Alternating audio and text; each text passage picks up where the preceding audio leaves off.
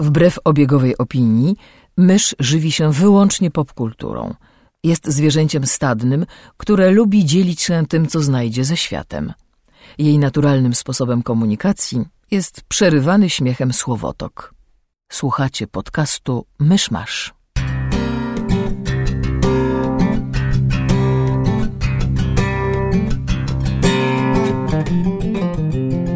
Drodzy słuchacze, jest 6 kwietnia 2020 roku.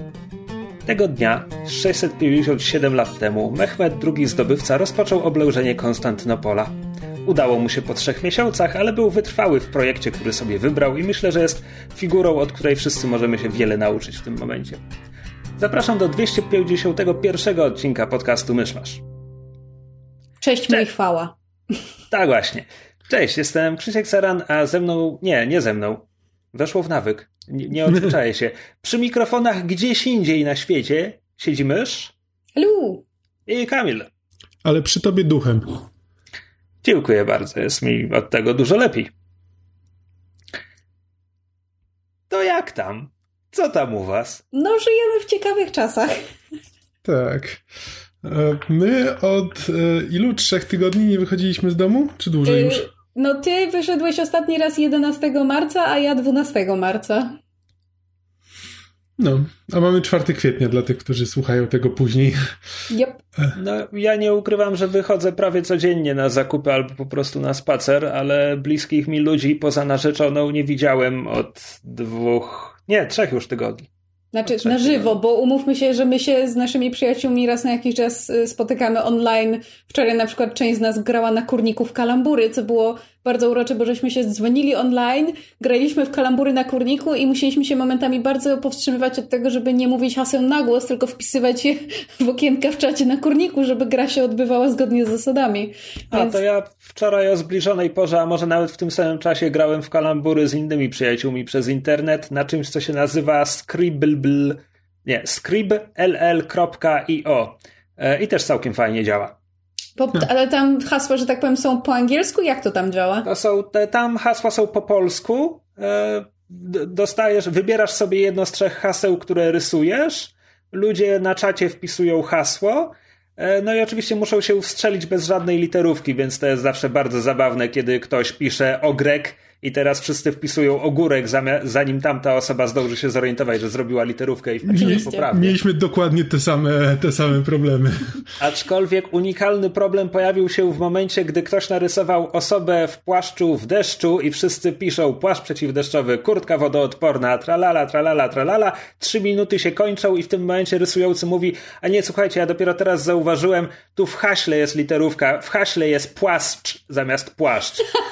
Więc nikt nie dostał punktów za tamtą rundę. Nie, tak. A My z kolei y, ktoś rysował hasło lekkoatleta, Ja. ale ktoś na czacie w, y, wpisał lekkotleta.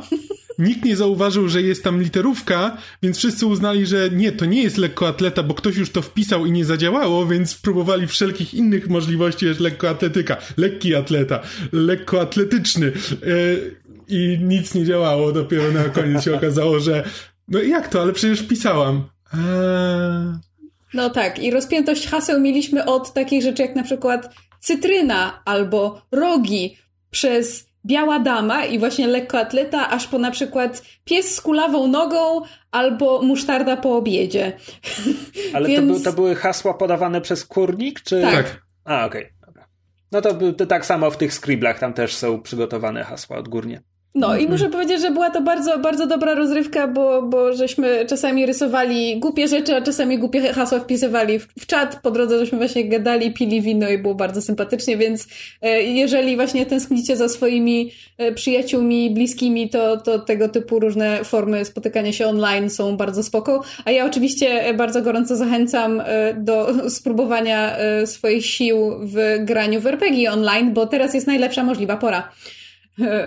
Jak, jak z moją drużyną się nadal regularnie spotykamy raz na tydzień i teraz właśnie gramy na Roll20, czyli na takiej platformie, która tam pozwala rysować mapy, po, po ten, poruszać się ludzikami, rzucać koś, kośćmi i tak dalej, to e, są takie momenty, kiedy serwer Roll20 już nie wyrabia i się zacina, bo tyle ludzi, ludzi e, gra naraz, to teraz się zrobiło bardzo popularne e, ten hobby.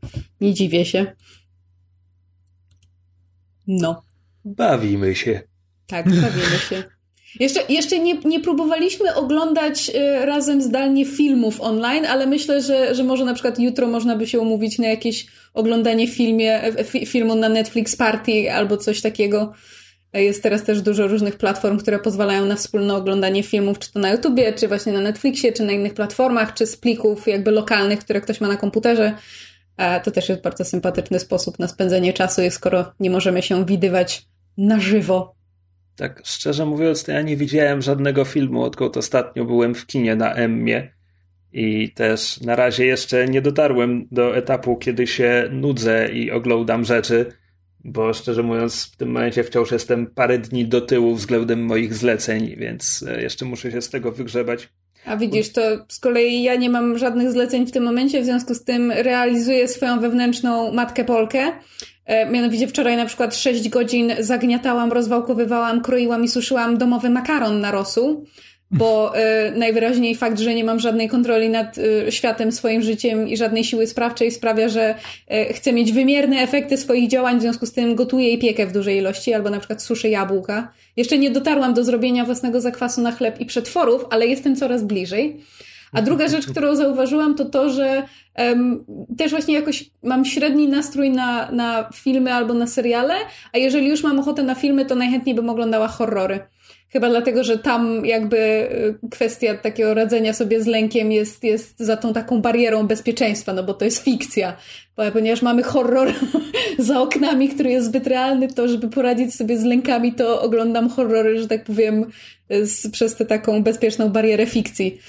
Uh, więc tak. No nie, ja zdołałem obejrzeć Picarda do końca, ale to głównie dzięki temu, że był jeden odcinek tygodniowo i on się teraz tylko kończył w ramach kwarantanny, a zaczął się dwa miesiące temu. No tak. Ale wy nie obejrzeliście jeszcze, tak? Y, nie.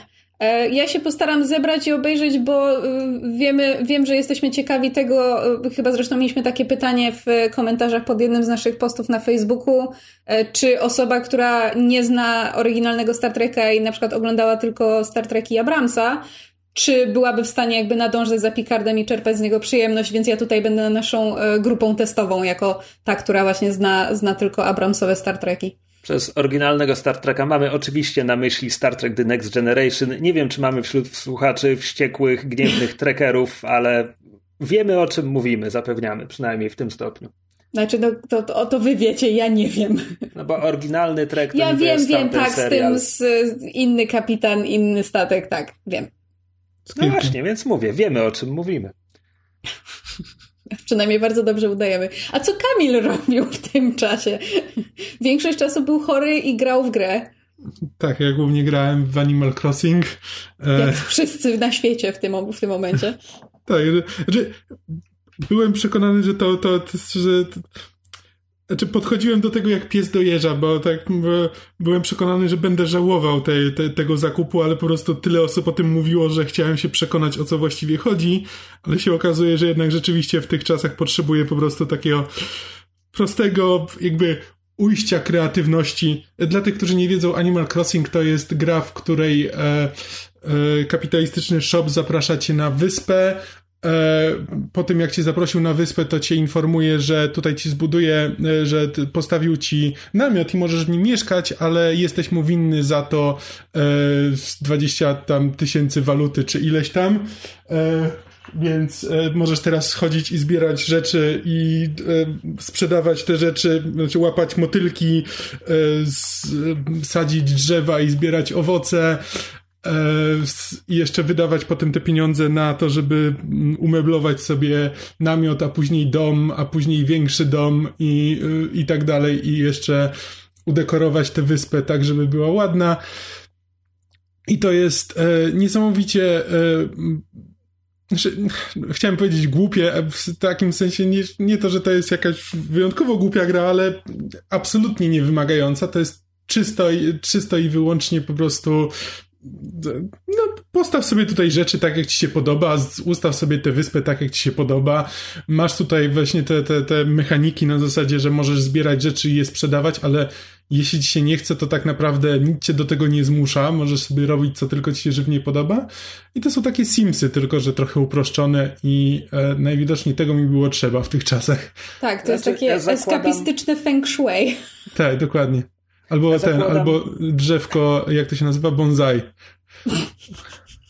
Ja zakładam, że to nie zostaje wypowiedziane na głos w dialogach między postacią gracza i shopem, ale ten shop zabrał twój paszport, prawda?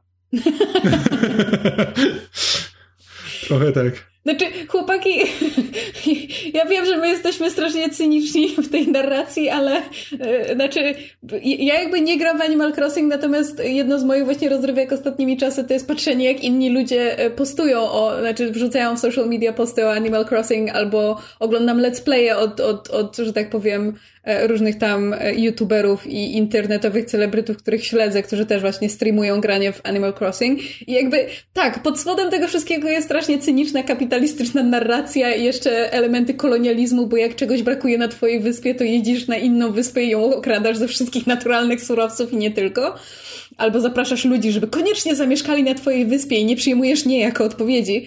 Ale przy tym ta gra jest właśnie taka szalenie jakby prosta i niewymagająca, jest jakby wizualnie nie jest jakby super um, wymyślna, ale jest taka słodka i cukierkowa i kolorowa i są urocze zwierzątka, które są tymi mieszkańcami i są zabawne dialogi i właśnie te takie misje, gdzie wiesz, tam na przykład zbierz, nie wiem, 20 motylków tego rodzaju albo zbierz 30 różnych motylków. To jest, ja mam wrażenie, że właśnie te, te, te, takie bardzo konkretne, proste zadania i to moje pieczenie, to, to, jakby to się bierze z tego samego korzenia, z tego samego źródła. To, że Animal Crossing New Horizons jest teraz takie popularne, to jest to, że ludzie potrzebują czegoś, co jest proste, w gruncie rzeczy bezmyślne, pozwala im się skupić na czymś, co nie jest sytuacją za oknem, i pozwala ci widzieć wymierne efekty Twoich działań, czyli to jest właśnie ten element tej siły sprawczej. E, więc e, ja się nie dziwię, że ludzie się tak wciągnęli w, w, Animal Crossing i że e, dla nich jest to właśnie taki ten element ulgi i, i jakiegoś takiego chillaksu, który mogą sobie zrobić. Skoro wyszły nam już takie miniaturowe, gorące krzesła w tym myszmaszu, to ja tylko dodam, że wróciłem wczoraj do 80 Days, jednej z moich ulubionych gier, prawdopodobnie w historii, E, która jest e, grą literacką. Jest to bardzo rozbudowana, interaktywna, e, wielowątkowa i pozwalająca na wiele permutacji wariacja na temat dookoła świata w 80 dni, czy jakkolwiek to się właściwie nazywa, powieści Juliusza Werna, tylko w świecie w roku 1872, który jest alternatywny, bo z jednej strony zawiera steampunkowe wynalazki, więc te podróże odbywają się parowymi zaprzęgami, albo sterowcami, albo pierwsza podróż, której dokonujesz w grze między Anglią i Francją, to jest pociągiem, który zamienia się w łódź podwodną. E, a jednocześnie jest to też przepisane w sposób antykolonialny, antyimperialistyczny. E, jest zaskakująco złożona, znaczy złożona, jest zaskakująco głęboka i pobudzająca do refleksji, a jednocześnie bywa zabawna, wzruszająca. To jest wszystko, prawie wszystko opiera się na tekście. Jakby interfejs graficzny jest tam no, po to, żeby nie patrzeć na, na kartkę w Wordzie, e, ale jest to świetnie napisana gra i serdecznie ją polecam. Ona często bywa na przecenach na, nie wiem, gog.com e, za, za grosze jest warta każdej ceny. Jest też dostępna na urządzeniach mobilnych. Nigdy w nią nie grałem w takiej wersji, ale oryginalnie właśnie tam zadebiutowała, więc zakładam, że też się sprawdza. E, e, potwierdzam. Znaczy, nie, nie, grałem w to zdecydowanie krócej niż Krzysiek, ale, ale tyle, ile grałem, to jakby rzeczywiście to jest naprawdę bardzo fajnie napisana, e, tak, interaktywna powieść. Mm.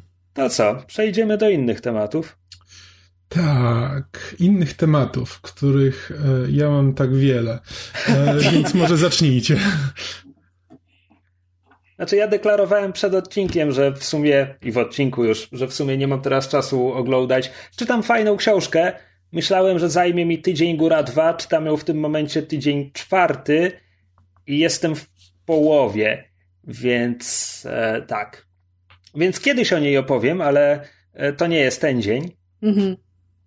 E, to, Natomiast... to o czym nam opowiesz, Krzysztofie, w takim razie? To znaczy, pomyślałem, to miał być wpis na fanpage'u. Chciałem napisać na fanpage'u o tym, co się dzieje na rynku komiksowym w Ameryce w tym momencie. Zacząłem pisać ten wpis. Po kwadransie stwierdziłem, że jestem może w jednej piątej wszystkiego, co muszę opisać i wywaliłem to wszystko w cholerę, bo stwierdziłem, że opisanie tego jest zbyt trudne. Ale może omówienie będzie trochę prostsze. Dobrze, to w takim razie moje Ja pierwsze... nic nie wiem, szczerze mówiąc. Okay. No właśnie, moje Więc pierwsze pytanie co się, co brzmi, się co się dzieje? Żeby powiedzieć, co się w tym momencie dzieje na amerykańskim rynku komiksowym, muszę najpierw w miarę krótko i zwarcie opisać, jak on wyglądał jeszcze dwa tygodnie temu. Jeszcze dwa tygodnie temu amerykański rynek komiksowy, i kiedy mówię komiksy, mam na myśli zeszyty, te małe po dwadzieścia kilka kartek, takie floppy, można je wziąć za grzbiet i pomachać i one się tak majtają. Zeszytówki. Chodzi tylko i wyłącznie o komiksy zeszytowe, przy czym to tak naprawdę nie ma znaczenia, bo amerykański rynek komiksowy stoi na zeszytówkach. Oni e, Marvel, DC, Image, oni praktycznie wszystko wydają najpierw w zeszytach i dopiero potem zbierają całe historie w, w tomy, w albumy i publikują je w tej formie. Mhm. DC wydaje trochę komiksów najpierw w formie, znaczy najpierw albo jedynie w formie albumów. Marvel Marvel robi to bardzo rzadko. Nie wiem, jed, jeden, dwa takie albumy na rok wydaje. E, zasadniczo, jeśli w Ameryce ukazują się komiksy w albumach, które wcześniej nie były zeszytówkami, to są to przedruki europejskich komiksów, które po prostu w Europie, no, w Europie dominują albumy, w Ameryce dominują zeszytówki. Więc mówimy o rynku zeszytowym, ale to nie ma znaczenia, bo zeszyty królują w Ameryce i wyznaczają trendy. Dotąd wyglądało to tak. Wydawnictwa drukują swoje komiksy, które ostatecznie zostają sprzedawane przede wszystkim w lokalnych sklepach komiksowych, takich, że idziesz na nogach do sklepu i tam kupujesz zeszyty. Tak zwany brick, brick and mortar. Tak. Po drodze komiksy od wydawnictw muszą trafić do tych sklepów komiksowych. I tutaj mamy e, poczwarę, która się rozrosła na amerykańskim rynku. Nazywa się Diamond. Jest dystrybutorem komiksów. Technicznie rzecz biorąc, nie jest monopolistą, ponieważ e, niektóre wydawnictwa radzą sobie inaczej. Ale Diamond ma umowy na wyłączność z Marvelem, z DC, z Image e, i z większością średnich i małych wydawnictw. E, co oznacza, że Diamond jest jedynym dystrybutorem komiksów tych wydawnictw do tych małych sklepów fizycznie istniejących. I teraz tak, komiksy w Ameryce ukazują się w każdą środę. W każdą środę człowiek może pójść do, do sklepu i tam kupić komiksy. Problem zaczyna się w momencie, gdy e, zainteresujemy się tym, jak, jak wyglądają praktyki e, handlowe Diamonda, a wyglądają tak, że całe ryzyko jest zrzucone na właścicieli tych małych sklepów, a Diamond nie ponosi odpowiedzialności za nic. To znaczy, zanim w środę, dajmy na to, w drugą środę marca te komiksy zjawią się e, w sklepie, parę miesięcy wcześniej właściciel tego sklepu musi zamówić konkretną liczbę egzemplarzy każdej serii i te egzemplarze, one nie podlegają zwrotom. O, właściciel sklepu kupuje je, cudzysłów, dla siebie i już jego zmartwienie w tym, żeby je potem sprzedać ludziom, bo Diamond umywa ręce. Jakby o, Diamond sprzedał komiksy i, i tyle. Diamond przestaje się interesować tym wszystkim. Marvel i DC, głównie DC w tym przoduje, Marvel chyba bardzo rzadko to robi, w ramach promowania nowych serii czasem ogłasza, że hej, będziemy łaskawi, będziemy przyjmować zwroty, więc wiecie, zamówcie więcej, a my przyjmiemy, oddamy wam pieniądze za to, co się nie sprzeda. Ale to jest wyjątek. Oni to robią wyjątkowo, żeby promować niektóre tytuły. To absolutnie nie jest reguła. Reguła jest taka, że właściciel sklepu musi wziąć e, kryształową kulę, przewidzieć ile egzemplarzy każdej serii sprzeda i nie zamówić wiele ponadto, no bo, no bo mu zostaną, bo to będzie dla niego strata. A teraz wyobraźcie sobie jeszcze, że nie mówimy o 458 numerze X-Menów i 678 numerze Batmana, tylko mówimy o pierwszych, pierwszych zeszytach nowych serii, które nigdy wcześniej nie były na rynku.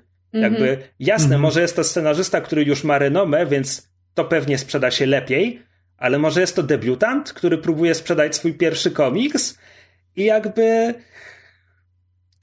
rozkładam w tym momencie bezradnie ręce, no bo to jest idiotyczne. O ile wielkie wydawnictwo się nie zlituje i nie powie, hej, jeśli nie sprzedasz tych jedynek, to my je odkupimy, nie będziesz stratny, właściciele tych małych sklepów muszą po prostu no, z fusów wróżyć, ile komiksów sobie kupić, a mówimy tutaj o konkretnej liczbie egzemplarzy każdej konkretnej serii, w momencie, gdy Marvel i DC publikują ich kilkadziesiąt każdego tygodnia. A są też inne wydawnictwa. E, I wreszcie. E, czekaj. A, e, więc właściciele sklepów jakby próbują się ratować, namawiając ludzi praktycznie rzecz biorąc do prenumerowania serii. W sensie, żeby po, poszczególni klienci składali zamówienia z wyprzedzeniem, żeby właściciele sklepów wiedzieli, że okej, okay, mam tutaj 25 osób, które piszą się na ten komiks, no to no to wezmę 28 kopii, bo może trzech frajerów przyjdzie z ulicy i go kupi, ale tych 25 oni pewnie go kupią na pewno. Jest to absurdalne, jest to idiotyczne, ale tak to działało przez wiele, wiele lat. Znaczy działało. Działało w miarę dla wydawnictw, działało znakomicie dla Diamonda, bo Diamond nic nie ryzykuje, Natomiast lokalne sklepy komiksowe w Ameryce y, padają. W sensie w tym momencie jest ich y, może ćwierć tego, ile ich istniało w latach 90 a chyba nawet mniej. A ja mam pytanie. Tak. A jak działa ewentualnie kwestia domawiania egzemplarzy? Czy to ma w ogóle sens?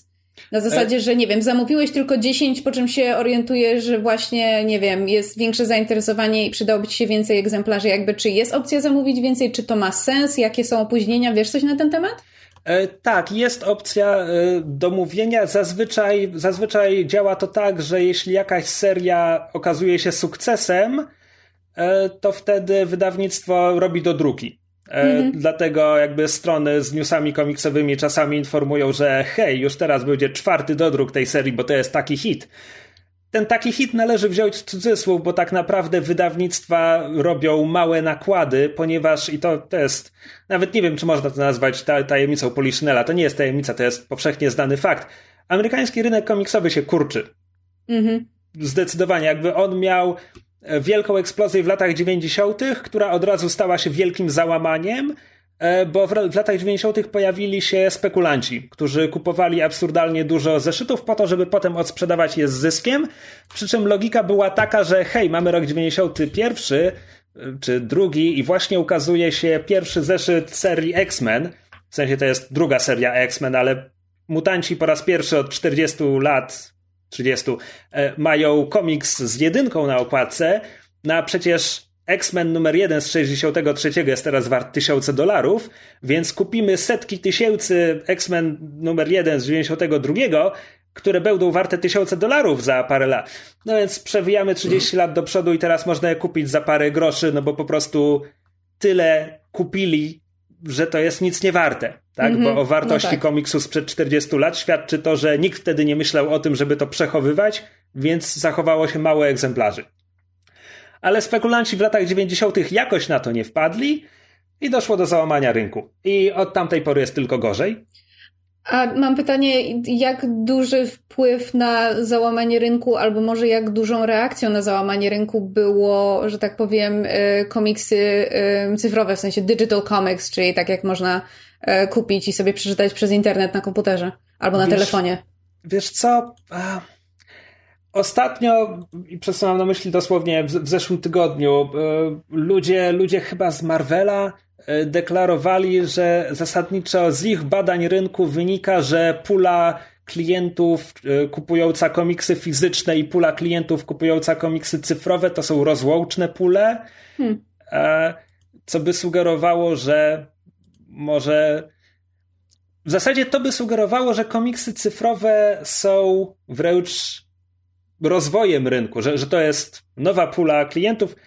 Mam wrażenie, że to nie jest do końca prawda. A ja na przykład teraz się zasadniczo przerzucam na, na czytanie cyfrowych, bo nie gromadzi kurzu, nie trzeba tego nigdzie składować i w ogóle wygodne no tak. jest. A, a, a kiedyś kupowałem fizyczne komiksy, tak? E, natomiast e, to jest, to jest definicja dowodu anegdotycznego. Więc jakby nie potrafię ci odpowiedzieć. Mhm. Nie byłam ciekawa po prostu. Pytanie. No więc tak wyglądał rynek komiksowy w Ameryce do przedostatniej środy, 26 marca. To chyba była środa, ukazały się komiksy, wszystko działało. Dzień lub dwa później, może trzy, może cztery, e, Diamond ogłosił, że słuchajcie, mamy epidemię i w ogóle i na wielu ogniwach naszego łańcucha dystrybucji może dojść do, jest ryzyko zakażenia. W związku z czym, wiecie co? My nie będziemy teraz pracować. My się zamykamy. Do odwołania.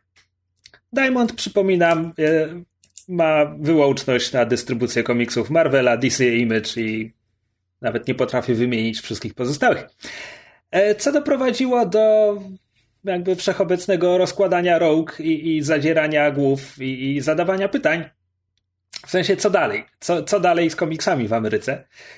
E, no bo z jednej strony tak, Diamond ma umowy na wyłączność z Marvelem i DC o dystrybuowanie komiksów, no ale w momencie, gdy Diamond ogłasza, że nie będzie dystrybuował komiksów, tak jakby nie wywiązuje się z tej umowy, więc te wydawnictwa chyba mogłyby poszukać innych rozwiązań, skoro Diamond nie wywiązuje się z umowy. Problem jest taki, że Diamond się zamknął również dlatego, że wiele sklepów komiksowych się w tym momencie w Ameryce zamknęło, jako niekoniecznie obowiązkowe do funkcjonowania w tych warunkach. E, a z kolei jeszcze inne się zamk... Znaczy, w ogóle w Stanach teraz jest cyrk, tak? No bo nie wszystkie Stany jeszcze wydały rozporządzenia, że hej, siedźcie w domach i zamykajcie wszystko. E, no ale nawet w tych Stanach, w których jeszcze tych rozporządzeń nie ma, niektórzy właściciele sklepów zdecydowali, że hej, chyba lepiej będzie się zamknąć. E, niektórzy zaczęli oferować dowożenie komiksów, jakby, że to co kupicie, to my wam no, podrzucimy pod drzwiami i w ogóle będziemy kolportować. E, no ale nie wszystkie sklepy są w stanie zaoferować tę usługę. Więc jakby nawet gdyby Marvel i DC teraz stwierdziły, że olewamy Diamonda i zaczniemy dystrybuować komiksy inaczej, nie do końca jest gdzie te komiksy dystrybuować, no bo sklepy się pozamykały. W związku z czym no, wszyscy ludzie, którzy już i tak korzystają z cyfrowych komiksów, czy to na um, Comixology czy, czy gdziekolwiek, jakby w tym momencie stwierdzili, no dobra, hej, to gdzie nasze cyfrowe komiksy? Nie potrzebuję, żeby ktoś mi je rzucił na próg, są w moim komputerze. Ale w tym momencie wszyscy właściciele małych sklepów stwierdzili, hola, zaraz, nie możecie dystrybuować cyfrowych komiksów przed ich papierowymi wydaniami, no bo to będzie nasz koniec. Nawet jeśli Marvel mówi, że teoretycznie to są rozdzielne pule klientów, no to w momencie, gdy klienci czytający fizyczne komiksy nie, by, nie będą w stanie być na bieżąco ze swoimi bohaterami superbohaterskich telenowel, prawdopodobnie część z nich przerzuci się na wydania cyfrowe. Być może nie wszyscy, ale ci, którzy się przerzucą na cyfrowe, jest ryzyko, że już nie wrócą do fizycznych, więc jakby to byłby wyrok śmierci dla małych sklepów komiksowych. A w związku z czym jakby nie ma w tym momencie rozwiązania. Ktoś straci. Najprawdopodobniej stracą właściciele małych sklepów komiksowych. Prawdopodobnie wiele z nich w tym momencie upadnie. E, w pewien sposób tracą czytelnicy, co oczywiście jakby tak, wszyscy lubimy czytać komiksy, ale umówmy się, czytanie komiksów nie jest biznesem, którym zarabiamy na życie, więc nasza strata w tym momencie jest najmniejsza, jeśli nie dostaniemy nowych komiksów. E, bo, no bo nie tracimy przez to pieniędzy, że nie przeczytamy komiksu. Co więcej, może nawet jakieś zaoszczędzimy, nie muszą go kupować, żeby go przeczytać. W każdym razie, w tym momencie nie wiadomo, co się stanie. Jeszcze parę dni temu była mowa o tym, że, że będzie rozwiązanie, bo w Ameryce jest coś takiego jak Comics Hub, to jest zasadniczo oprogramowanie służące właścicielom sklepów do zarządzania zamówieniami komiksów, ale ten, tenże Comics Hub jakby nie pamiętam, kto był inicjatorem tych rozmów, to w każdym razie pojawiło się rozwiązanie, że może zrobimy tak, że sklepy komiksowe będą sprzedawać talony na komiks. W sensie będą sprzedawać cyfrowe komiksy, ale z taką obietnicą, że jak już to wszystko się skończy, to potem y, będą dystrybuować fizyczne egzemplarze, że jakby kupienie cyfrówki będzie jednocześnie zakupem fizycznego komiksu. E, ale tutaj też zaprotestowali właściciele sklepów komiksowych na zasadzie, że to wciąż popchnie klientów w stronę komiksów cyfrowych i to wciąż będzie dla nas wyrok śmierci. Więc ta inicjatywa padła i w momencie, gdy to nagrywamy, to jest kwestia dosłownie ostatnich dwóch, trzech dni, kiedy jest hasło, że okej, okay, nie, to nie jest rozwiązanie, nie zrobimy tego. W związku z czym e, w ostatnią środę, e, czyli co to było? 2 kwietnia? To była środa? 1 kwietnia e, nie ukazało się nic. Nie ukazały się żadne komiksy, bo na razie nie ma rozwiązania. W najbliższą środę 8 kwietnia, czy kiedy to będzie, najprawdopodobniej znowu nie ukaże się nic, no bo tak jak to nagrywamy jest sobota i na razie nie ma rozwiązania, a wątpię, żeby wymyślili coś i zastosowali z dnia na dzień. Więc w tym momencie po prostu nie ma komiksów. Znaczy, Disney wydało parę rzeczy, które i tak wypuszczają jako digital first, czyli oni ciągną kilka małych serii, które najpierw ukazają się cyfrowo, a dopiero potem są drukowane na papierze, więc to się ukazało normalnie, ale to jest dosłownie, nie wiem, 4-5 pozycji. Więc pytanie, Marvel, Marvel w swojej historii już miał serię, które publikował jako Digital First, więc być może teraz do tego wrócą na jakąś skalę. Nie, że są takie plany. Ja teraz jakby w tym momencie ja hipotetyzuję. A jedyne, co już wiemy na pewno, że Marvel zrobi, no to parę dni temu padło hasło, że Marvel wysłał informację do. Widziałem jakąś liczbę, że 30% swoich rysowników, jakby rozkaz odkładamy ołówki. Koniec czasu, odkładamy ołówki. Oczywiście zapłacimy wam za wszystko, co już narysowaliście, ale w tym momencie przestajecie rysować. No, A to są oczywiście freelancerzy. W związku no tak. z czym te 30% rysowników, inkerów, kolorystów Marvela w tym momencie traci swoje źródło utrzymania, no bo jest rozkaz wydawnictwa nie robicie, no to jak nie robią, to im nie zapłacą. Mhm. A mówimy o Marvelu. Jeśli ktoś zapomniał, Marvel należy do Disneya. Za Marvelem stoi największa jakby korporacja od rozrywki na świecie. Więc oni mogliby sobie pozwolić na jakąś lojalność względem swoich e, rysowników, ale nie. Odkładamy ołówki, czas się skończył. Oddajcie kartki do nauczyciela. No rany. E, więc e, tak, na razie nie wiadomo, jak dalej będą się ukazywały komiksy. W tym momencie wiadomo, że już stratki są freelancerzy, którzy robią komiksy. No a jeśli rozwiązanie nie zostanie wymyślone w ciągu następnego, nie wiem, tygodnia, trzech, to zaczną być stratni właściciele sklepów komiksowych, bo jak mówiłem, w tym łańcuchu dystrybucji całe ryzyko spoczywa na nich. Więc... No tak, a prawdopodobnie Diamondowi nic się nie stanie, bo prędzej czy później wrócą do wydawania. No i znaczy, tam wiesz pewnie... co, e, tak naprawdę Diamond też może tutaj upaść. Diamond też w tym momencie nie zarabia. Jakby e, ten rynek, jeśli Diamond upadnie, ten rynek zostanie przeorany na wskroś, będą musieli wymyślić go od nowa, ale Diamond jest tak złym systemem, że znaczy, tylko, że oczywiście, wiesz, mnóstwo ludzi straci pracę, straci swoje biznesy, swoje małe sklepy komiksowe, ale Diamond jest bardzo zły. Ale to wciąż nie jest cena, którą warto zapłacić za to, żeby się Diamonda pozbyć. E, problem w tym, że, no wiesz, tu ton tak naprawdę narzucają wielkie korporacje. Disney, e, Warner AT&T, czyli właściciele DC Comics, którym nie zależy na tym, żeby robić dobrze właścicielom małych sklepów, czy swoim rysownikom, czy komukolwiek poza sobą tak naprawdę. No tak, oni by pewnie bardzo łatwo mogli przejąć cały ten, cały proces dystrybucji i po prostu się nim zająć sami, tylko że po prostu w tym momencie już jakby historycznie jest on za duży, żeby to po prostu zrobić bez, e, bez ogromnej e, zawieruchy.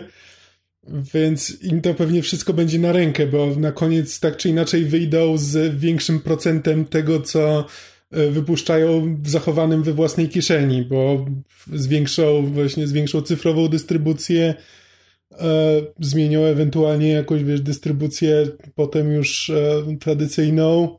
Znaczy tak, jeśli rozważamy scenariusze teoretyczne, no to tak jak mówiłem, to wszystko dotyczy zeszytówek, ale to bez znaczenia, bo amerykański rynek stoi na zeszytówkach.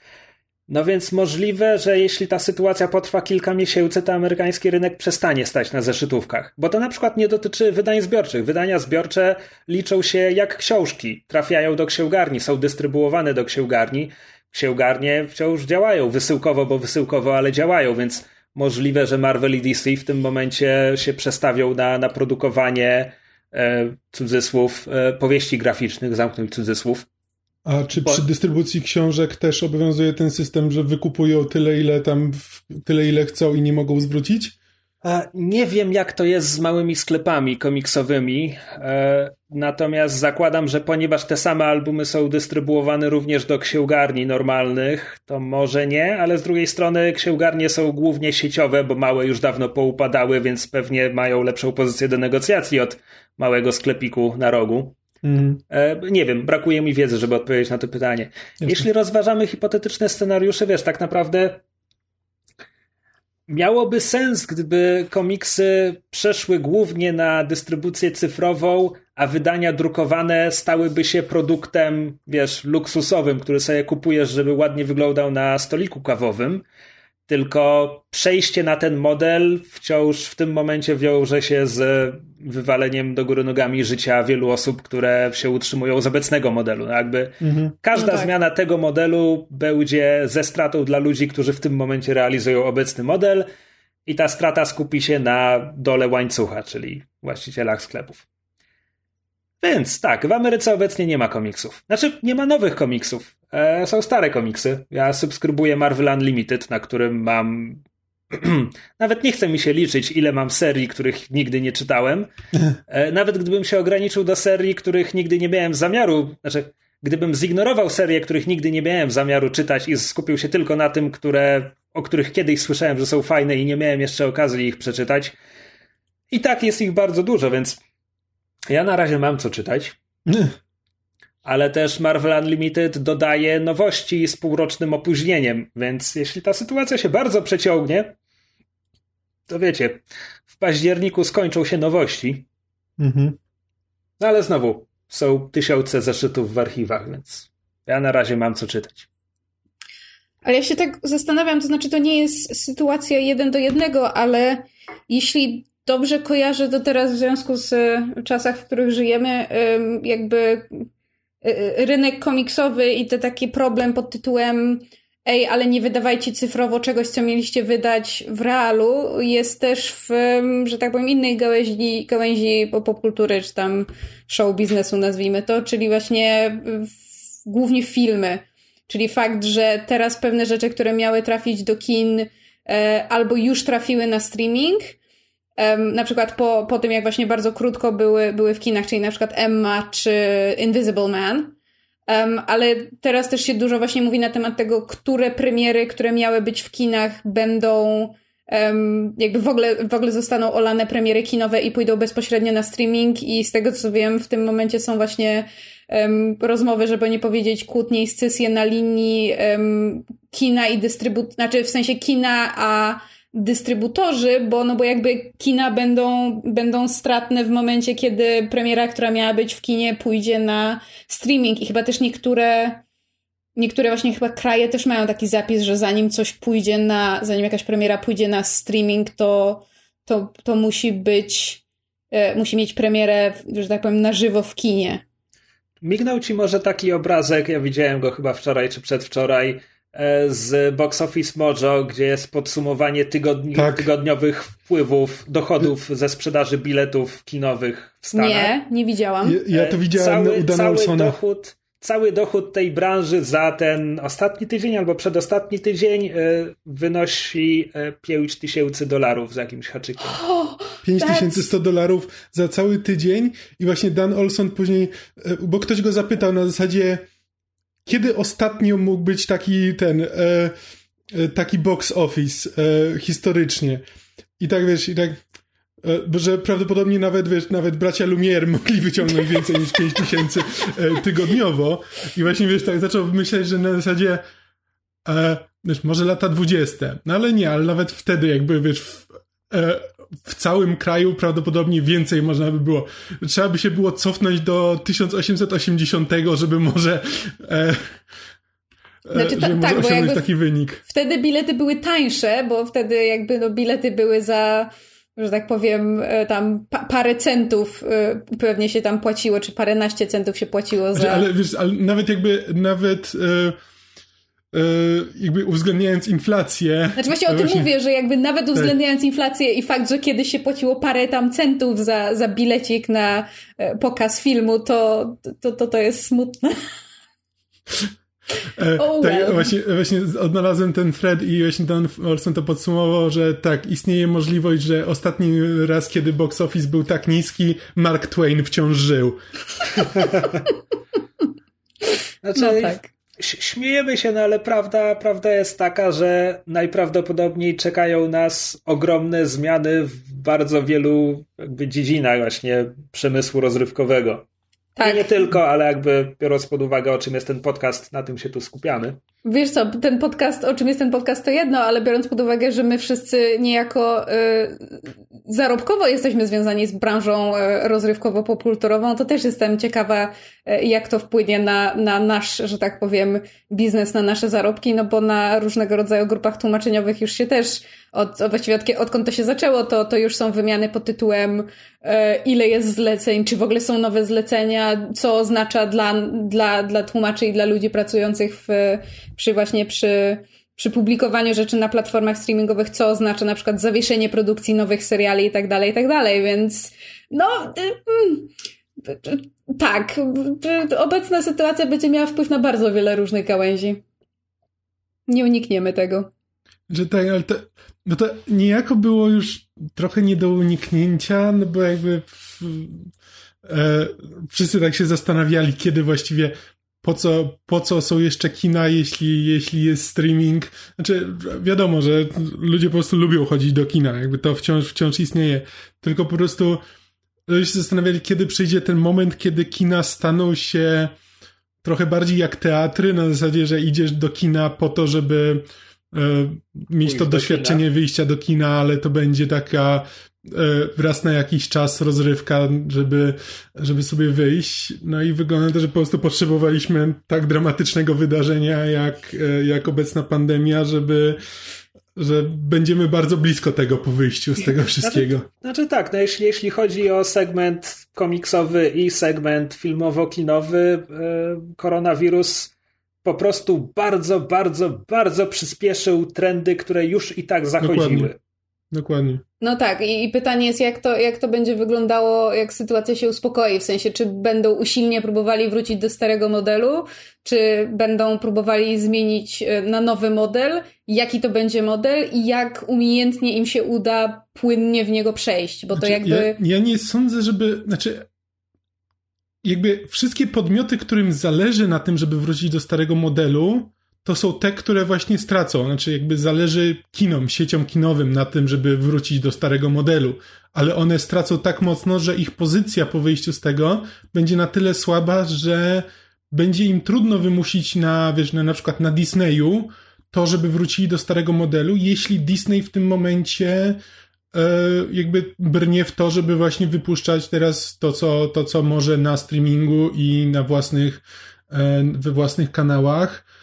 E, Więc im nie będzie na rękę wracanie do tego. Więc Znaczy, chyba- ja nie bardzo chyba- widzę, w jaki sposób to by miało Znaczy, funkcjonować. tylko, że na razie Disney jeszcze nie poszedł w tę stronę. To znaczy, właśnie wczoraj tak, widziałam newsa na temat Artemisa, Artemisa Foula Foula. na Disney Plus zamiast w kinach, ale to jest Artemis Fowl. Jednocześnie ogłosił wielomiesięczne przesunięcia premier e, Mulan, Black Widow, Eternals, czyli filmów, na których im zależy. Hmm. Na razie wciąż zakładają, że za pół roku kina się otworzą. Albo czekają, aż e, Disney Plus rzeczywiście już wejdzie na całym świecie i wtedy będą mogli puścić to w swoim streamingu. Bo w Albo. tym momencie by, by, wiesz, mnóstwo osób musiało spiracić to, jeśli by, jeśli by wypuścili na Disney Plus, bo działają tylko w jakimś tam części świata. Właśnie w sumie jestem ciekawa, czy obecna sytuacja na przykład doprowadzi do przyspieszenia em, udostępnienia Disney Plus w innych krajach. No byłoby im to na rękę, mam wrażenie, No pewnie na tak. dłuższą metę. No tak, Tak, ale wchodzimy teraz na będzie teren kiepsko. tak bardzo hipotetyczno-wróżbiarski, że chyba już nie mamy nie mamy wiele więcej do dodania, no bo nikt No nie. nic nie wie. No dobra, to co, przechodzimy do przeglądu już bardziej tradycyjnego, tak? Ja nic nie mam. Jeśli nie chcecie ze mną rozmawiać o Picardzie, to To się ja, wypisujesz z tego podcastu. e, Ja podczas choroby w końcu obejrzałem trzeci sezon This Is Us i nie pamiętam, ja mówiłem chyba o This Is Us w, w podcaście.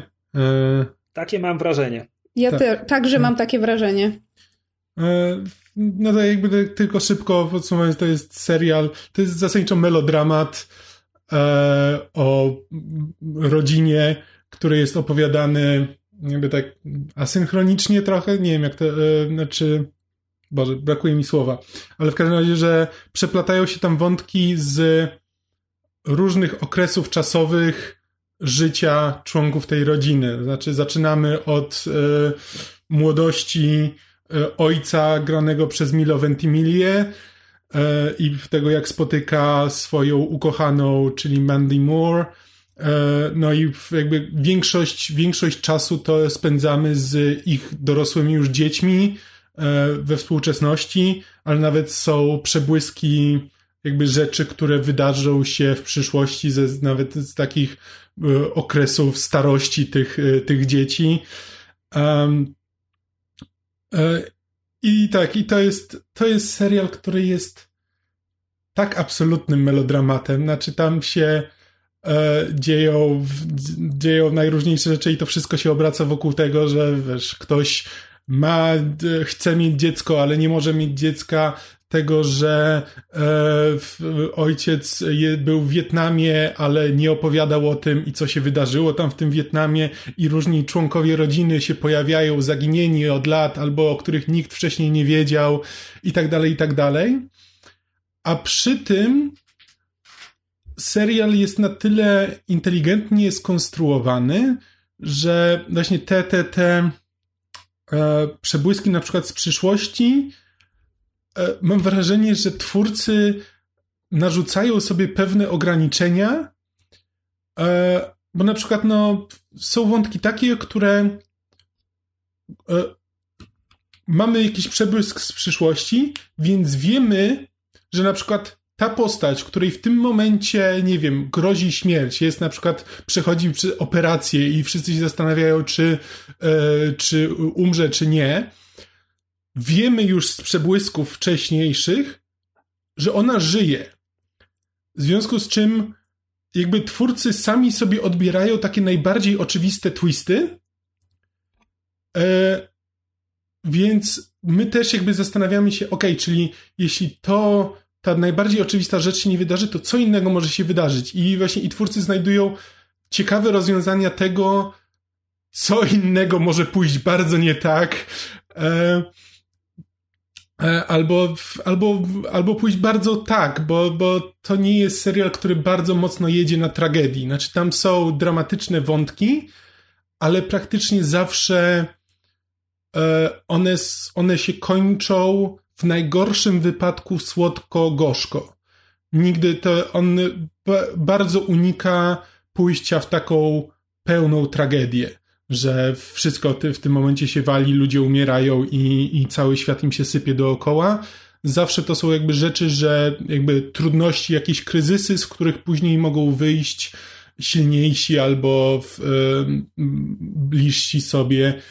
E, w związku z czym to jest, to jest bardzo dobry serial do właśnie do oglądania e, nawet właśnie w tych czasach, gdzie jakby wiemy, że jakby jest ciężko, ale miło jest zobaczyć coś takiego, gdzie jakby wiesz, że, e, że nawet jeśli jest ciężko, to, to to się skończy w miarę dobrze.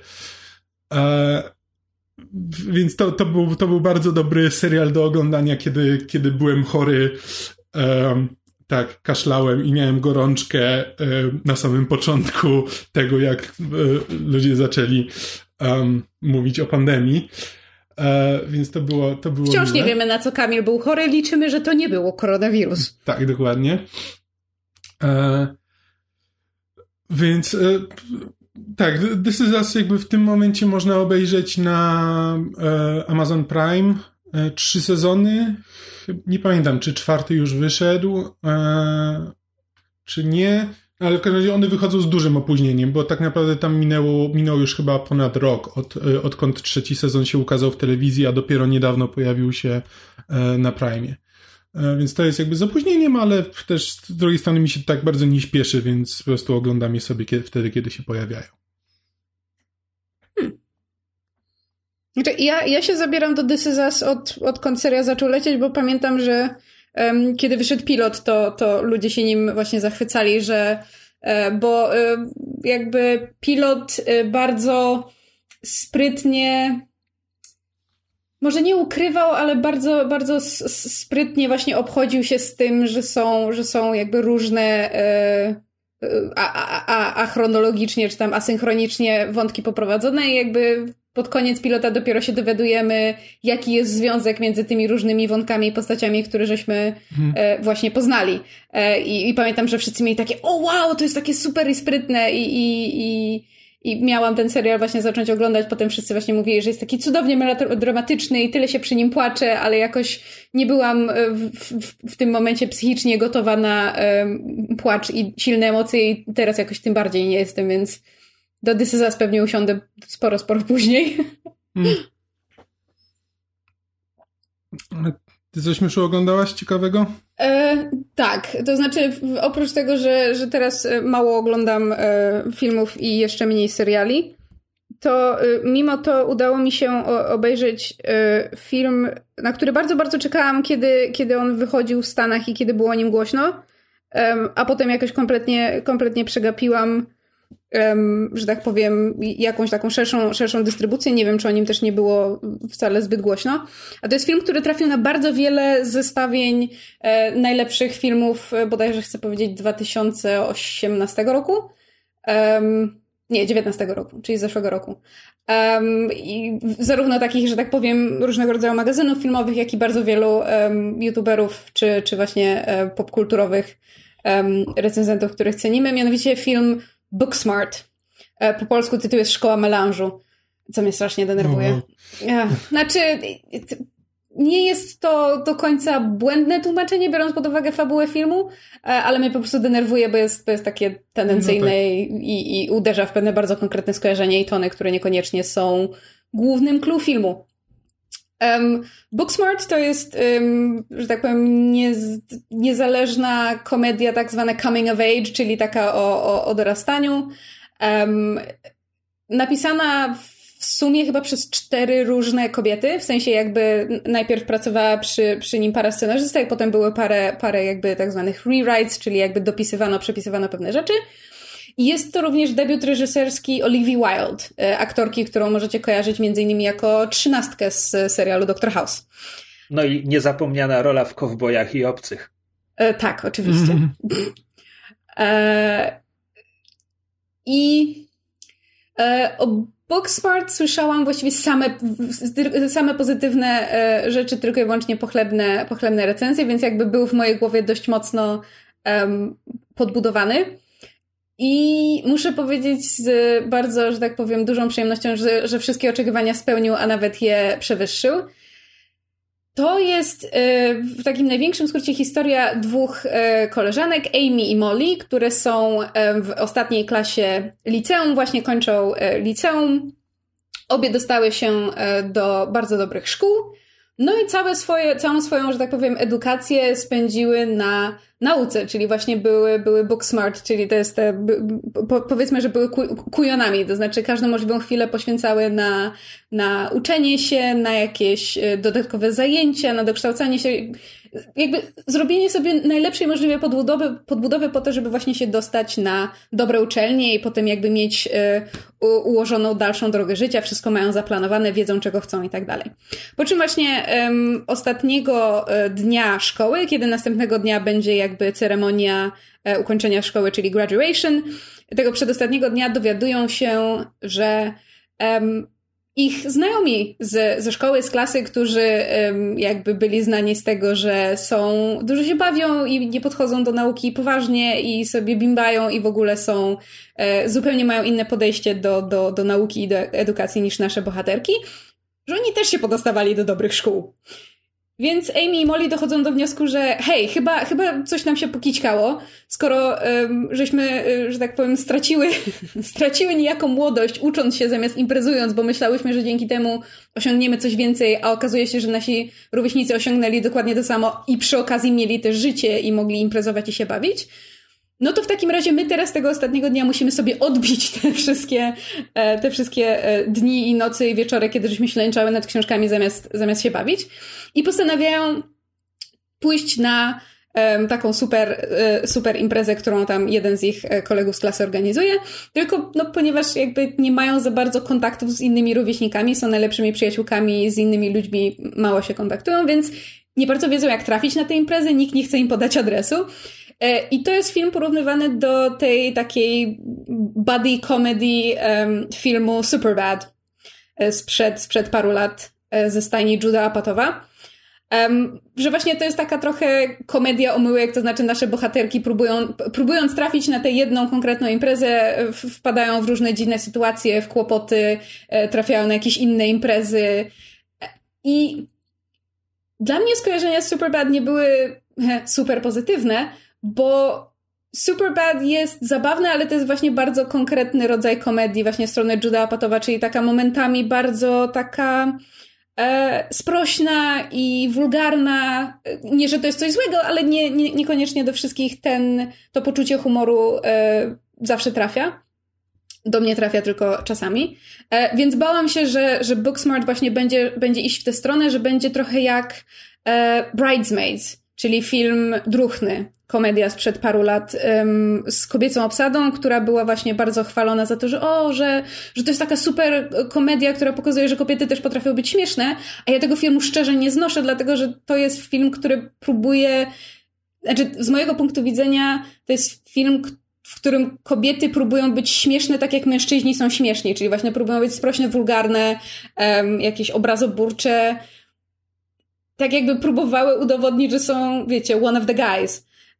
A niekoniecznie to jest rodzaj babskiej komedii, który, który do mnie przemawia. E, I bałam się, że Booksmart będzie, będzie szło w tę samą stronę. Na szczęście mogę powiedzieć, że e, moje, e, moje obawy nie zostały tutaj spełnione. Bardzo, bardzo się z tego cieszę.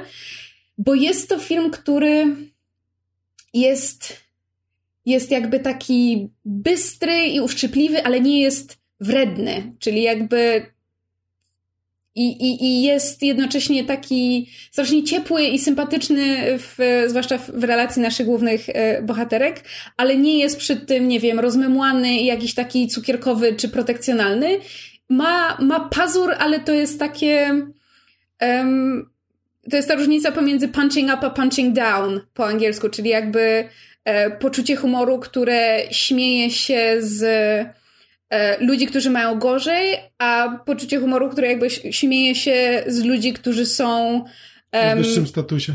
Tak, o wyższym statusie, są, są uprzy, uprzywilejowani. I to jest trochę w tym, takie miałam skojarzenie, że to jest właśnie film, który nie próbuje sobie żartować z, z, z, ludzi, którzy mają w jakiś sposób gorzej albo w jakiś sposób są, um, nie wiem, ostracyzowani. Um, jest taka bardzo ładne zdanie w, w jakiejś recenzji, przeczytałam, że to jest film, który w bardzo fajny sposób pokazuje, że, e, że dorastanie polega na zrozumieniu, że tak naprawdę nikt nie jest stereotypem, że nikt kogo jakby, nikt kto myśleliśmy, że jest, prawda, tylko jednym typem człowieka albo jednym właśnie taką kliszą i stereotypem, dorastanie polega na tym, żeby zrozumieć, że, że nie, że w ludziach jest więcej niż tylko to, co widzimy powierzchownie. I ja wiem, że to brzmi jak straszny frazes, bo to jest frazes, ale ten film rzeczywiście bardzo fajnie to w taki nienachalny sposób pokazuje. I dla mnie się to sprowadza do tego, że e, jasne są tutaj momenty, jakby są jakieś tam, nie wiem, e, pijaństwo, narkotykowe tripy, e, ponieważ mamy całą oczywiście zgraję napalonych nastolatków, więc są jakieś tam elementy seksualne czy erotyczne, czy jakby tego nie nazwać, jakieś tam umizgi, flirty, krasze i tak dalej. E, i, i dużo śmiechu wokół tego. E, natomiast to, co mi się strasznie, strasznie podobało, to jest to, że w filmie, gdzie mamy te nasze dwie bohaterki, które niejako są przeciwko całej reszcie swojej szkoły, no bo one były tymi, tymi kujonkami, które myślały, że są lepsze od wszystkich, e, więc jakby my też z punktu widzenia widowni patrzymy na resztę ich szkoły trochę z takim aha, lamerzy się dostali do, do dobrych szkół, bo pewnie ich rodzice za to zapłacili, albo bo amerykański system edukacji jest głupi, co nie jest do końca kłamstwem.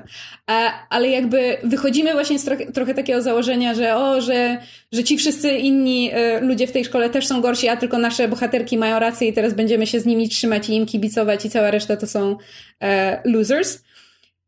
I film to kompletnie wywraca na głowie. To znaczy, naj, jednym z najfajniejszych elementów było, tego, tego filmu było powolne dowiadywanie się i odkrywanie, że ten film kompletnie nie jest uprzedzony do, do wszystkich bohaterów. W sensie jakby to nie jest film, który właśnie próbuje być wredny, czy, czy, czy w jakiś sposób utwierdzać nas w tym przekonaniu, że o, że nie wiem, że ta dziewczyna, z której wszyscy się śmieją, że, że dała się przelecieć, nie wiem, całej drużynie piłkarskiej, to ona rzeczywiście jest taką tą cheerleader mean girl skrajną jędzą. Jakby to jest film, który z takim ciepłem i z, takim, z taką wyrozumiałością i z takim po prostu ludzką sympatią traktuje wszystkich, absolutnie wszystkich bohaterów, których poznajemy, nie tylko nasze, nasze główne bohaterki, że po prostu to jakby dodaje mu tego, do, dodaje mu tego ciepła i tego takiego uczucia feel good, e, które mam wrażenie nie zawsze właśnie w tego typu um, komediach o, o dorastaniu ma miejsce, bo, bo żeby właśnie, bo trzeba być bardzo ostrożnym przy korzystaniu z pewnych klisz i stereotypów, żeby ich właśnie w taki, taki niemiły sposób nie utwierdzać, jeżeli e, rozumiecie, co mam na myśli. E, jakby bardzo wiele filmów, które się, które się podaje jako właśnie taką klasykę e, w, w kontekście coming of age movies, czyli na przykład filmy Johna Hughesa, czy właśnie tego typu takie komediowe, bardziej komediowe filmy typu tam, nie wiem, Superbad, czy nawet American Pie, to one mimo wszystko w dużej mierze są momentami strasznie wredne w stosunku do, do swoich bohaterów albo do pewnych grup czy mniejszości, um, które, e, które się w nich pojawiają, a Booksmart takie nie jest. E, jest, jest bardzo takie inkluzywne i właśnie i, i progresywne, ale bez bez tego, tego takiego poczucia wyższości pod tytułem o, patrzcie na nas, jacy jesteśmy postępowi. To jest po prostu szczerze miły, sympatyczny, fajny, mądry film komediowy o, o dorastaniu, o, o przyjaźni właśnie między tymi dwiema dziewczynami, e, z których jedna z nich jest e, lesbijką, w związku z tym mamy też wątki LGBTQ. Jeżeli ktoś, e, że tak powiem, lubi takie elementy w, w swojej popkulturze, jest tutaj bardzo fajnie poprowadzone właśnie to, jaki to wpływ ma na ich przyjaźń, a właściwie żaden, to znaczy nie jest to problemem, one się nawzajem fantastycznie wspierają. Jest też wątek oczywiście krasza na, na, na koleżankę z, ze szkoły i po prostu byłam tak mile zaskoczona, że film, który wszyscy tak. Znaczy, to nie jest to, że byłam zaskoczona, że chwalony film był dobry, ale wiecie, jak to jest czasami, jak, e, jak e, film jest bardzo, bardzo chwalony, to, to w głowie sobie stwarzacie jakąś taką um, bardzo wygórowaną narrację i potem czasami film nie jest w stanie jej dorównać, a tutaj wręcz przewyższył moje, moje oczekiwania. Naprawdę strasznie dobrze się przy nim bawiłam i wiem, że będę do niego wracać, bo przy tym wszystkim też jakby jak na, jak na debiut reżyserski jest bardzo fajnie nakręcony, fajne ujęcie, prowadzenie kamery, e, montaż. Jest jedna fantastyczna sekwencja w Claymation, gdzie nasze bohaterki pod wpływem narkotyków zamieniają się w lalki Barbie z plasteliny i jest cudowna, po prostu e, taka, taka, taka, taka etiutka niemalże na temat um, trochę na temat krytyki um, takiego patriarchalnego spojrzenia na, na e, kobiecą urodę i figurę i jakby taką presję wyglądania w bardzo konkretny sposób, a jednocześnie internalizacji tej presji. No po prostu to jest bardzo fajny, bardzo mądry, um, film, e, że tak powiem, z bardzo e, silną reprezentacją kobiet, zarówno przed kamerami, jak i e, za kamerami. Z bardzo fajną młodą obsadą, tam część osób można, można kojarzyć z jakichś innych produkcji, z dużym wsparciem też jakby bardziej, że tak powiem, tych starych komediowych wyjadaczy, bo tam w mniejszych rolach jest Lisa Kudrow, jest Will Forte, jest Jason Sudeikis, e, więc naprawdę, naprawdę bardzo, bardzo polecam e, Booksmart. Jeżeli dobrze kojarzę, jest chyba do kupienia na VOD na którejś platformie. Wpiszcie sobie upflix.pl i tam wpiszcie sobie Booksmart albo Szkoła Melanżu, to wam powinno wyskoczyć, gdzie, gdzie jest w tym momencie do obejrzenia. Naprawdę bardzo, bardzo, bardzo szczerze polecam. Strasznie sympatyczny, strasznie fajny, jest taki feel, feel good film na ten moment. Myślę, że dobrze wam zrobi na, na główkę i na serduszko. Nice. O! E, ja jeszcze tylko mogę na szybko dorzucić e, update z mojego oglądania Mentalisty, e, bo mówiłem o tym serialu tam, nie wiem, parę odcinków temu. No więc wtedy, kiedy mówiłem, to chyba byłem po drugim sezonie. Tak, więc mogę powiedzieć, że teraz jestem, teraz skończyłem właśnie piąty sezon, czyli został mi jeszcze ostatni szósty. Czekaj, I... czy, czy, czy, to nie jest tak, że ten piąty sezon był powszechnie uznawany za, za moment, kiedy serial powinien się skończyć, bo potem przekombinowali? E, znaczy, być może jeszcze nie wiem, e, jeszcze nie wiem, co będzie w tym szóstym i jak bardzo to przekombinują, więc e, na razie trudno mi powiedzieć. Znaczy, chcę tylko powiedzieć, że w tym serialu jest sporo ciekawych pomysłów i jakby ciekawych wątków, bo które jakby od trzeciego sezonu są, jakby wychodzą dużo bardziej na wierzch. Znaczy, od początku mamy kwestię tego, że nasz główny bohater ściga e, seryjnego mordercę, który zabił mu e, żonę i córkę. Red John, tak? Tak, Red Johna. I i on mówi otwartym tekstem, jakby policjantce, z którą pracuje, która jakby jest jego, czy ten prowadzi tam ten, e, nie wiem, oddział, czy co tam jest w, w policji, jednostkę. I on jej mówi otwartym tekstem, że on szuka Red Johna i ma zamiar go zabić. I zależy mu na tym, żeby go zabić osobiście, E, a nie żeby, żeby trafił przed sąd, szczególnie, że to jest w Kalifornii, więc jakby mógłby dostać karę śmierci i prawdopodobnie by ją dostał, ale zależy mu na tym, żeby, zależy mu na zemście. I jakby mówi to otwartym tekstem i jakby nie ukrywa się z tym. I jakby od trzeciego sezonu te wątki e, właśnie różnicy między e, sprawiedliwością a zemstą prawem, a jakby takim poczuciem jakiejś osobistej sprawiedliwości e, wychodzą dużo bardziej na wierzch. I jakby najbardziej temu serialowi przeszkadza to, że to jest tradycyjny serial proceduralny z dwudziestoma tam czterema odcinkami w sezonie, bo gdyby to był e, serial E, w modelu bardziej Netflixowym, typu wiesz, 8-10 odcinków na sezon, w których jakby skupiamy się dużo bardziej na rozwoju postaci, a nie na pojedynczych historiach e, kryminalnych, to to to by temu serialowi zrobiło dużo bardziej, bo w tym momencie no to te interesujące wątki rozmywają się pomiędzy jakby odcinkami, które służą tylko za takie wypełnienie, za to, że no teraz jest jakaś tam tajemnica, którą trzeba rozwiązać yy, i nie ma żadnego wpływu na, yy, na cokolwiek tam się dzieje w, w głównych wątkach.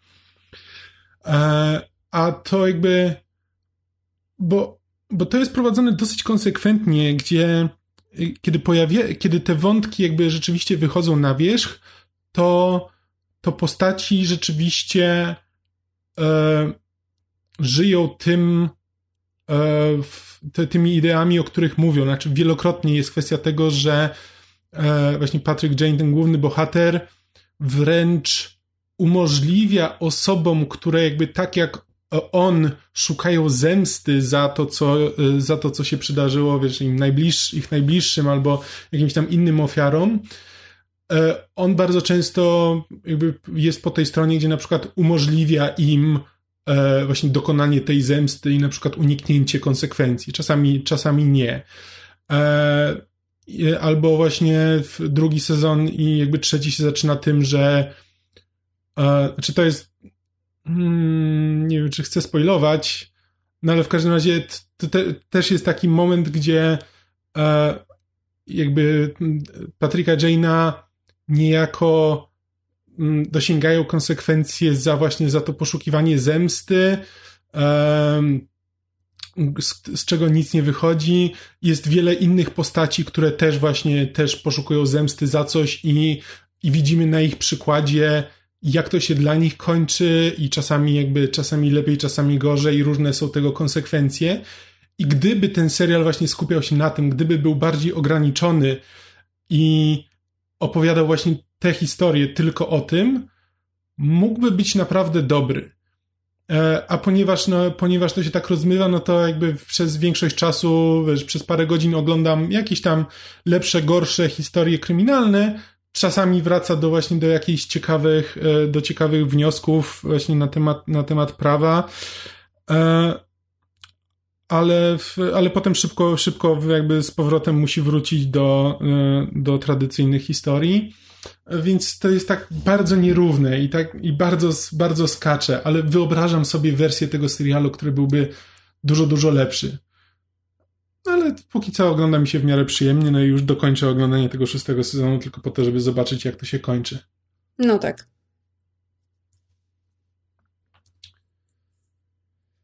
Coś jeszcze? Krzysiek mówił, że nic nie ma. To znaczy, mogę bardzo krótko powiedzieć o serialu, który widziałem jakiś czas temu. Nazywa się Feel Good. Ma chyba sześć odcinków, które mają coś koło pół godziny, więc to jeden z tych krótkich miniseriali. To jest e, produkcja Netflixa, a przynajmniej tak leci, tam leci. E, I to jest serial, w którym e, kanadyjska komiczka May Martin gra kanadyjską komiczkę o imieniu May, która nie tyle robi karierę, on po prostu jest w Wielkiej Brytanii i tam próbuje swoich sił w stand-upie, w jakiś tam, w trakcie jakichś, nie wiem, chyba nawet wieczorów open mic czy, czy coś takiego, więc jakby jest dopiero na początku ewentualnej kariery e, i która w pierwszym odcinku z, e, wchodzi w związek z kobietą z publiczności. I tu przewijamy chyba dwa miesiące do przodu, kiedy one zamieszkują razem ze sobą. I w tym momencie zaczynają się odzywać wszystkie fobie i natręctwa May, e, która, jak również szybko się dowiadujemy, ma, ma historię uzależnień od narkotyków i, i to też nie tyle zaczyna się odzywać, co e, jej partnerka zmusza ją, żeby ona poszła e, na, na spotkania grupy anonimowych narkomanów, czy jakkolwiek to się nazywa. Mhm. Więc e, obserwujemy bohaterkę, która właśnie przeszła na nowy etap związku. Związku, który się całkiem dobrze układa, w którym jest tylko jeden poważny problem, o którym za chwilę, która jednocześnie przez swoją niepewność, ale też jakby no uzależnienie, chorobę, czyli coś, czego nie kontroluje i nie, nie może kontrolować, zaczyna sabotować całe swoje życie. W związku z czym jest bohaterką, którą się dość często trudno ogląda, no bo to jest takie ogarnij się, chociaż oczywiście no, wiemy, że problem polega na tym, że, że, że nie może, tak, że to, to nie jest tak, że ona po prostu ma złe cechy charakteru, no to jest choroba, zmaga się z chorobą, która czasami bierze górę. No ale tak, w każdym odcinku chcielibyśmy powiedzieć jej ogarnij się i, i wyłączyć ten serial, bo, bo ona się nie ogarnia, no ale gdyby się ogarnęła, to nie byłoby serialu. E, ale żeby nie było, że tylko ona jest tu winna, mówiłem, że w tym związku jest jeden istotny problem, a ten istotny problem polega na tym, że jej partnerka to jest jej pierwszy związek z kobietą i ona jeszcze się nie wyautowała przed nikim poza jakby samą May i, i współlokatorem, który jakby wie, no bo wie, bo tam mieszka. E, w związku z czym e, problemem tej drugiej bohaterki jest to jakby strach przed tym, jak to zmieni jej życie, jej relacje z rodzicami, ze swoimi przyjaciółmi, którzy swoją drogą okazują się strasznymi ludźmi gdzieś po drodze. Hmm. I to jest takie. Jest to całkiem porządny serial. Podobał mi się. Chciałbym, żeby bohaterka się ogarnęła. Może w drugim sezonie, jeśli będzie drugi sezon. E, w każdym razie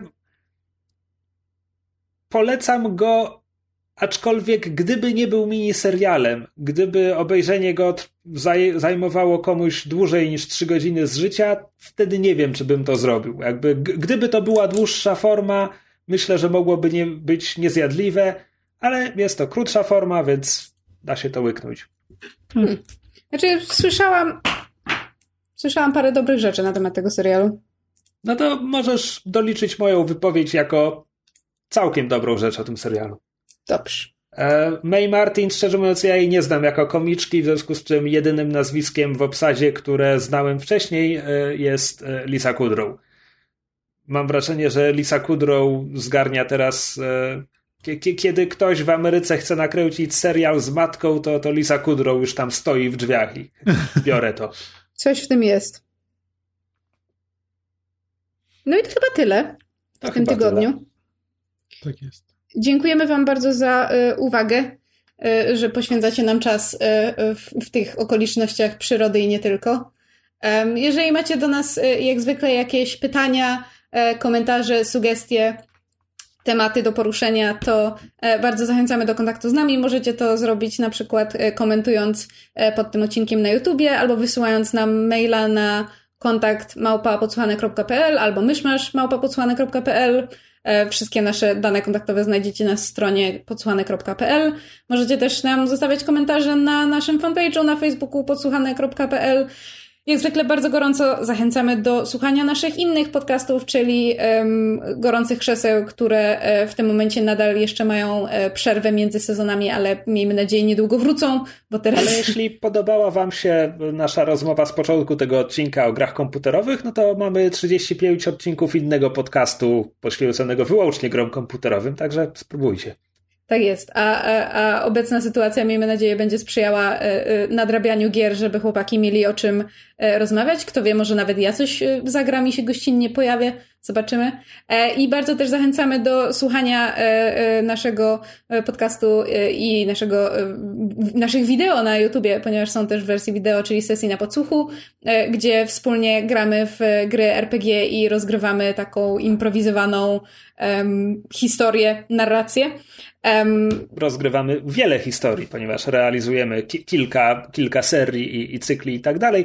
I na przykład przedwczoraj miała miejsce premiera trzeciego sezonu Ghostpunk, czyli naszego improwizowanego słuchowiska fantazy o, o przestępcach.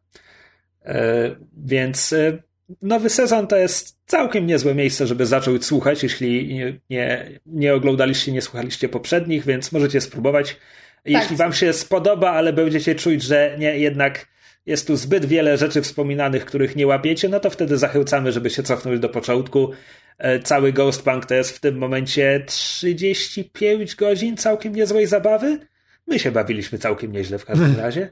Tak, co prawda w najbliższej przyszłości czeka nas drobna zmiana e, formatu w związku z okolicznościami, bo nie możemy się spotykać, żeby grać na żywo, ale zrobimy co w naszej mocy, żeby nie wpłynęło to jakoś znacznie na e, poziom, że tak powiem, jakości zarówno technicznej, jak i narracyjnej. Trzymamy kciuki, żeby nam się udało. E, I e, bardzo czekamy na e, kontakt od Was, bo w przeciwnym wypadku rozmawiamy tylko ze sobą i puszczamy to w pustkę i pustka nam nie odpowiada, co jest zawsze bardzo smutne, więc hej, jeżeli macie nam coś do powiedzenia, to, to bardzo zachęcamy, żeby, żeby się z nami kontaktować. Możecie nas szukać indywidualnie na różnych social media. Jesteśmy na Twitterze, na Facebooku, ja jestem też na Instagramie, więc bardzo zachęcamy do kontaktu i dzięki za uwagę i do usłyszenia w następnym odcinku. Cześć! Cześć! Na razie.